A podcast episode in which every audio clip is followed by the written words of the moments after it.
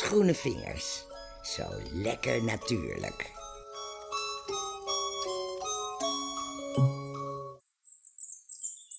Bij mij in de omgeving staan er een paar en ze zijn prachtig. Maar de beroemdste wilde kastanje van Nederland is met afstand de Anne Frankboom.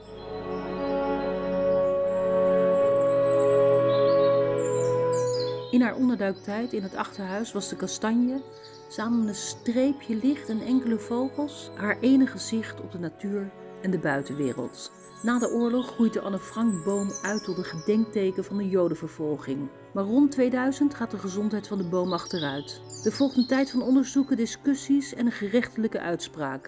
Er worden plannen gemaakt en uitgevoerd om de boom te ondersteunen. Ondanks deze poging om de boom te redden, door middel van een stalen draagconstructie, waait hij in augustus 2010 om. Hij is als een luciferhoutje afgebroken. De beroemdste boom ter wereld, de Anne Frankboom. Vanmiddag rond half twee begaf hij het. De stalen constructies die eraan vastgemaakt waren twee jaar geleden... konden de boom niet redden. Maar dat wil niet zeggen dat de boom wordt vergeten.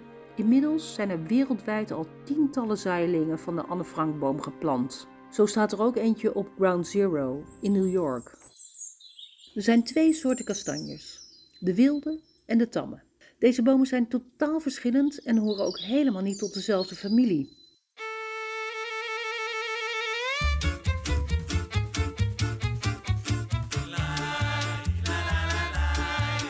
De wilde kastanje is in onze streek een heel vertrouwd verschijnsel, maar hij is hier nog maar relatief kort.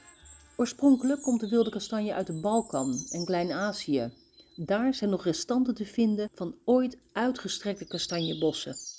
Hoe de wilde kastanje zich over Europa heeft verspreid is heel nauwkeurig beschreven. Het startpunt ligt in Constantinopel. Bij de Vlaamse arts Kwakkelbeen tussen 1554 en 62 lijfarts is aan het hof van de sultan. Hij geeft aan zijn Italiaanse collega Mattioli een vruchtdragende tak van de kastanje. En zo is de reis van de wilde kastanje door Europa begonnen.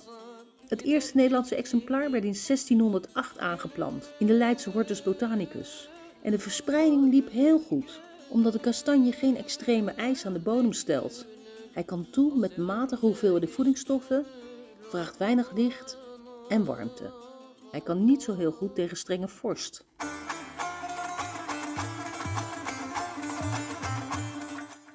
Dan zal je je misschien afvragen waarom de wilde kastanje paardenkastanje heet.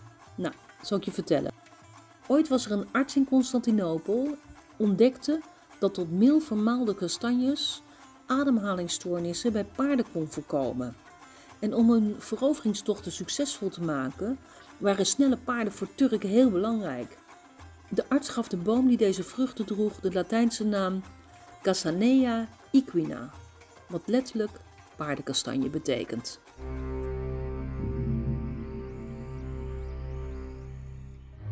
Sinds 2002 heeft de kastanje het zwaar. Hij wordt massaal belaagd door de kastanje mineermot. Dat is een heel klein vlindertje waarvan de larven leven in de kastanjebladeren en het bladmoes volledig wegvreten. Hierdoor kunnen de bladeren van de kastanje in juli al bruin en verdord zijn. Ze vallen dan lang voordat de herfst is ingetreden eraf. Het mineermotje is in 1985 ontdekt in Macedonië en heeft zich helaas inmiddels over Centraal- en West-Europa verspreid. Maar er is nog een andere ziekte, die arme wilde kastanje. Die heeft het echt heel zwaar. Want in 2005 begon hij ook nog te bloeden. En die ziekte is besmettelijk en wordt veroorzaakt door een bacterie die zich nestelt in de bascellen van de boom. En die bascellen die zorgen voor transport van voeding. De cellen gaan daardoor dood, waardoor er een uitwendige bloeding ontstaat met een soort stroperige vloeistof. Hierdoor sterven de bomen af. En omdat de schimmel in de bodem blijft, kan op diezelfde plaats geen nieuwe kastanjeboom groeien. Nou blijkt de bestrijding van de ziekte erg gecompliceerd. Er wordt wel geëxperimenteerd met recent ontwikkelde warmtebehandeling, waardoor de bacterie afsterft. Even iets vrolijkers hoor. De open haard die knappert en ik ben wat tamme kastanjes aan het poffen. Want die kun je wel eten, de wilde niet. Nat King Cole zong er een heerlijk romantisch lied over. Chestnuts roasting on an open fire. Jack Frost nipping at your nose. En van de romantiek ga ik in één klap door naar de Indianen.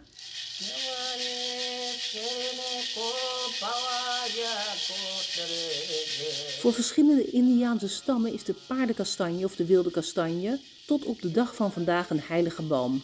Bij wijze van ritueel gaan de Indianen soms uren onder de boom mediteren, omdat ze geloven dat de uitstraling ervan hen harmonie, inzicht, rechtvaardigheid, kracht en schoonheid schenkt.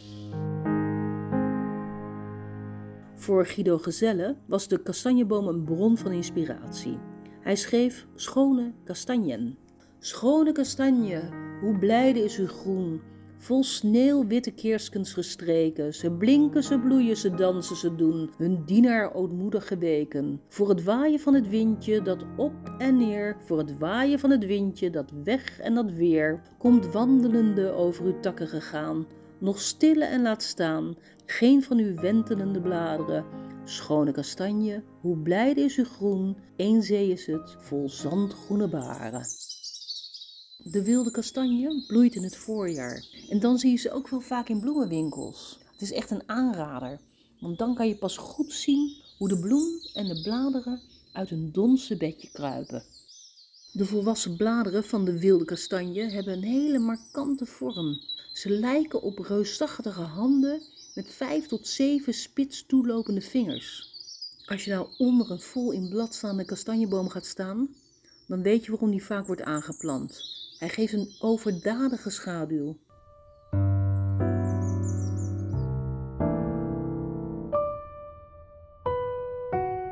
In de herfst heeft de boom nog een verrassing in petto. Prachtige verkleuringspatronen van de bladeren.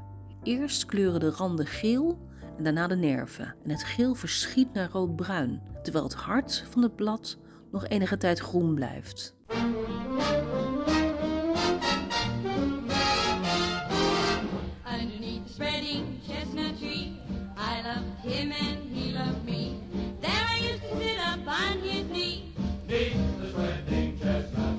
Lekker hoor, zo'n ouwtje van Clem Miller.